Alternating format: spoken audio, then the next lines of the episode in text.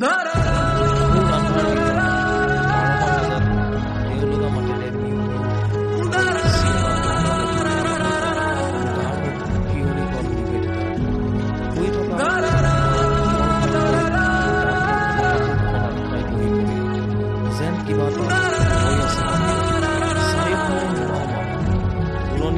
আন্ধাৰ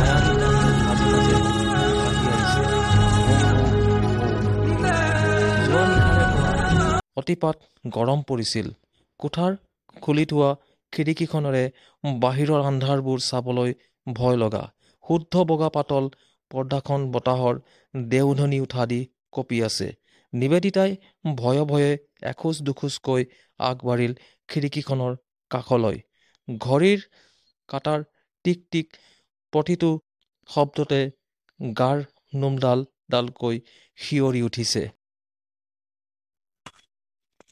নিবেদিতাৰ। খিৰিকীৰ কাষত থিয় হৈ পৰ্দাৰ সামান্য ফাঁকেৰে জুমি চালে নীলাকাশৰ বুকুত উজলি উঠা তৰাটোলৈ। তাইৰ মনৰ কথা বুজি তৰাটোও যেন মিচিকিয়াই হাঁহি মাৰিছে তাইলৈকে চাই আৰু যেন তৰাটোৱে কিবা কব খুজিছে। ক্ৰমান্বয়ে তাইৰ ভয়বোৰ কমি গৈছে। অলপ ঠাণ্ডা লগা যেন অনুভৱ কৰি খিৰিকীখন বন্ধ কৰিব খুজিও বন্ধ নকৰিলে। এজাক ফিৰফিৰীয়া বতাহ বতাহজাকে কোনো অসুবিধা দিয়া নাই বৰঞ্চ তাইৰ মনৰ ভয় শংকা এবুকু যন্ত্ৰণা হাত পেলাবলৈ এই বতাহজাকৰ বন্ধুত্বৰ প্ৰয়োজন তাইক। তাই মজিয়াত বহি পৰিল। বাৰে বাৰে মনটোক ধৰি ৰাখিব খুজিব পৰা নাই। কিয় জানো আজি বুকুখন ধপধপাবলৈ ধৰিছে। মনটো দেখোন অতীতৰ সেই দুখময় স্মৃতিবোৰৰ ওচৰলৈ উৰি গৈছে। তাই ভাৱনাৰ মাজত সোমাই পৰিল। নিবিড় আৰু নিবেদিতাই যেতিয়া কমান আৰু খমানত পৰি আছিল তেতিয়া সিহঁতহালৰ দেউতাকৰ মৃত্যু হৈছিল। তথাপি মাকে সিহঁত দুটাক কেতিয়াও কোনোদিন দেউতাকৰ অভাৱ অনুভৱ কৰিবলৈ দিয়া নাছিল। কৰ্মৰ সাধ্যানুসাৰে প্ৰতিটো লাগতিয়াল সৰু বৰ বস্তুৰ প্ৰয়োজন পূৰণ কৰিবলৈ যথোপৰি চেষ্টা কৰিছিল। কেতিয়াবা এদিন দুদিন দেৰি হৈছিল কিন্তু তেওঁলোকক নিৰাশা নকৰিছিল। কোনোদিন নিবিড় আৰু নিবেদিতাই মাকক জেঠ ধৰা নাছিল। মাকৰ চকুত দেখি অহা আদৰ্শই দুয়োকে সহায় কৰিছিল আৰু একোজন সুচৰিত্ৰৰ অধিকাৰী হবলৈ শিকিছিল। তিনিবছৰ অগাপিছাকৈ নিবিড় আৰু নিবেদিতাই স্কুলীয়া শিক্ষা শেষ কৰিলে। দুহেজাৰ ষোল্ল চনত নিবিড়ে কলেজীয়া শিক্ষাও শেষ কৰিলে এটা চাকৰিত যোগদান কৰে। মাকৰ দুখ কষ্টৰ সামান্য পৰিমাণে লাঘৱ কৰিম ভাবি সৰু চাকৰি তথাপিও বাট এটা উলিয়াই ললে ঘৰখনৰ চুক এটা মাৰিবলৈ। কিন্তু নিবেদিতা সৰুৰে পৰা মাকৰ মৰম আৰু শাসনৰ মাজেৰে ডাঙৰ দীঘল হোৱা নিবেদিতাই মাথো এটা কথাই জানিছিল জীৱন গঢ়িবলৈ শিক্ষা লাগে গতিকে তাই পঢ়াৰ বাহিৰে আন একো কথা ভাবিবলগীয়া আছে বুলি নাভাবিছিল। সময় এনেদৰে গৈছে কিন্তু যৌৱনে যে সৃষ্টিও কৰে ধ্বংসও যাতে কেতিয়া কি হৈ যায় সেয়া উত্তৰ মাথো সময়ে যেনেদৰে প্ৰবাল বানে পথাৰ বুঢ়াই পেলাই এটা জীৱন ধ্বংস কৰে পলক দি যায়। যৌৱনে যেনে তেনে এক বলিয়া বান। খোপনি পুতি ৰাখিব নাজানি নিবেদিতাও এদিন যৌৱনৰ সেই বলিয়া বানত উটি গল আৰু নভবাকৈয়ে জীৱনৰ গতিবিধি সলনি হৈ গল। মেট্ৰিক পৰীক্ষাত উত্তীৰ্ণ হৈয়ে জীৱনৰ নতুন পথত ভৰি দিলে। কলেজত নাম ভৰ্তি কৰি তাই যেন সুকোমল ডেউকা মেলি দিলে কোনো এক অজান অচিন প্ৰান্তলৈ যত নেকি অচিনাকি ঠাই অচিন মানুহ আৰে আৰে কেৱল বিলাসিতা মাথো বিলাসিতা যি হ'ব লগা আছিল সেয়া হৈ আছে। প্ৰথম অৱস্থাত সকলো ঠিকেই আছিল। নাই কোনো বান্ধৱী নাই কোনো ল'ৰা বন্ধু। লাহে লাহে বন্ধুত্ব বাঢ়িল। নতুনৰ মাজত সোমাই পৰিল সকলো ঠিকেই চলি আছিল। ক্ৰমান্বয়ে তাই যেন গাঁৱৰ ছোৱালী আছিল সেয়া পাহৰিবলৈ ধৰিলে। চহৰীয়া চাল চলনৰ লগত মিলিবলৈ চেষ্টা কৰিলে আৰু জীৱন নদী ঘাটৰ চকৰি ঘূৰিল। নিবেদিতাৰ কথাটো এনেধৰণৰ হল যে ঘৰ চিৰিকা চৰাইয়ে যিদৰে শালিকা চৰাই খোজবোৰৰ দিবলৈ যাওঁতে নিজৰ খোজবোৰ পাহৰি পেলাল। পঢ়া শুনা সকলো এৰি বন্ধু বান্ধৱীসকলৰ লগত সময় কটাবলৈ ধৰিলে। খং দুখে তাই নিবিচৰাকৈ বহুত অপকৰ্মৰ লগত জড়িত কৰি পেলালে। নিজক বহুতবাৰ এৰি দিলে আনৰ বাবে মদ নিচাযুক্ত দ্ৰব্য খাবলৈ শিকিলে।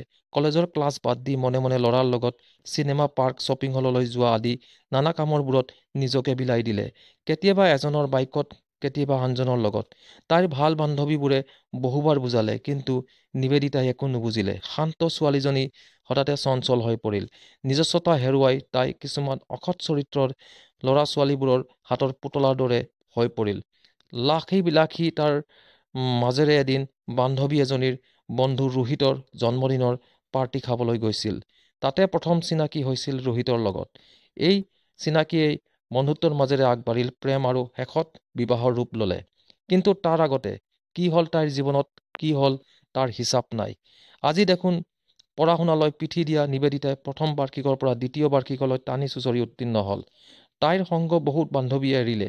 তথাপি কিয় জানো তাইৰ মগজুৱে ঢুকি নাপালে তাই যে পঢ়িব লাগে। সৰুৰে পৰা পঢ়া শুনাতে ভাল আছিল বাবে দ্বিতীয় বাৰ্ষিকৰ পৰীক্ষাত উত্তীৰ্ণ হ'ল। যিজনী ছোৱালীৰ ফলাফলক লৈ এটা সময়ত সকলোৱে গৌৰৱ কৰিছিল সেই ছোৱালীজনীৰ এতিয়া এনে ফলাফল দেখি সকলোৱে মুখত বু বা বা কৰে। মাকে জীয়েকৰ এনে অকাংক্ষিত ৰিজাল্ট শুনি নিজকে বুজাব পৰা নাই। বহুজনৰ পৰা বহু কথাও শুনিব লগা হৈছে। অমুকী জীয়েকজনী বৰ নামী দামী কলেজত পঢ়াইছিল এতিয়া ৰিজাল্ট চোৱা। এনেধৰণৰ কথাৰ বাবে মাকৰ হৃদয়খন একেবাৰে দেহি পুৰি যায়। উচ্চ শিক্ষাৰ বাবে তাইক কলেজত পঢ়িবলৈ নিদি কম্পিউটাৰ ক্লাছতে নাম ভৰ্তি কৰি দিলে। মাকে জীয়েকৰ এই অৱস্থা দেখি ভাঙি পৰিছিল। কিন্তু তাই যে অধপতনে গৈছে সেয়া মাকে তিল মানুহ জনা নাছিল। এদিন কম্পিউটাৰ ক্লাছলৈ যাওঁ বুলি মাকক কৈ ৰোহিতৰ লগত পলাই গ'ল। এই কথাটো শুনি মাকৰ মূৰত সৰগ ভাগি পৰিল।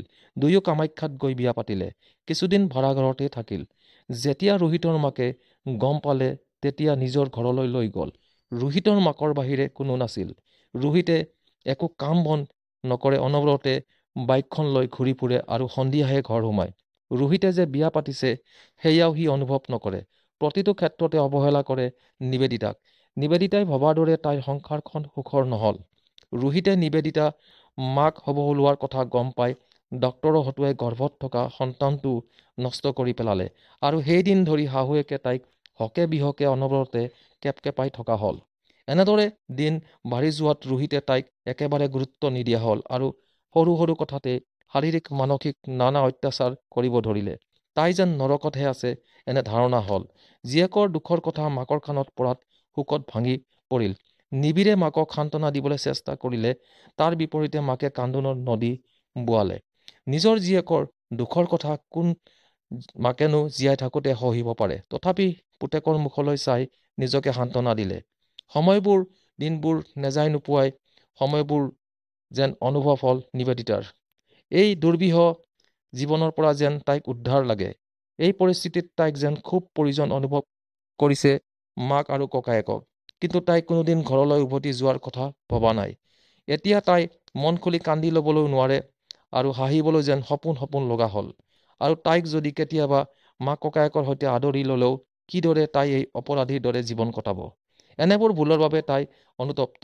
যি সময়ত তাই জীৱনটো সোণোৱালী হৈ উজ্বলাব পাৰিলে হয় সেই সময়ত তাই এয়া নিজকে কিয় ধ্বংসৰ গৰাহত ঠেলি দিলে? এনে প্ৰশ্নত মাজত নিজকে নিজে পাগলৰ দৰে তাই আজিকালি প্ৰশ্ন কৰে। নিজকে কেতিয়াবা একেবাৰে ধ্বংস কৰি পেলোৱা কথা ভাবতেই এদিন অকস্মাত ঘৰৰ বাহিৰত ককায়েকৰ মাত শুনা পালে আৰু তাই ৰৈ গ'ল। বুকুখন ধপধপাবলৈ ধৰিলে।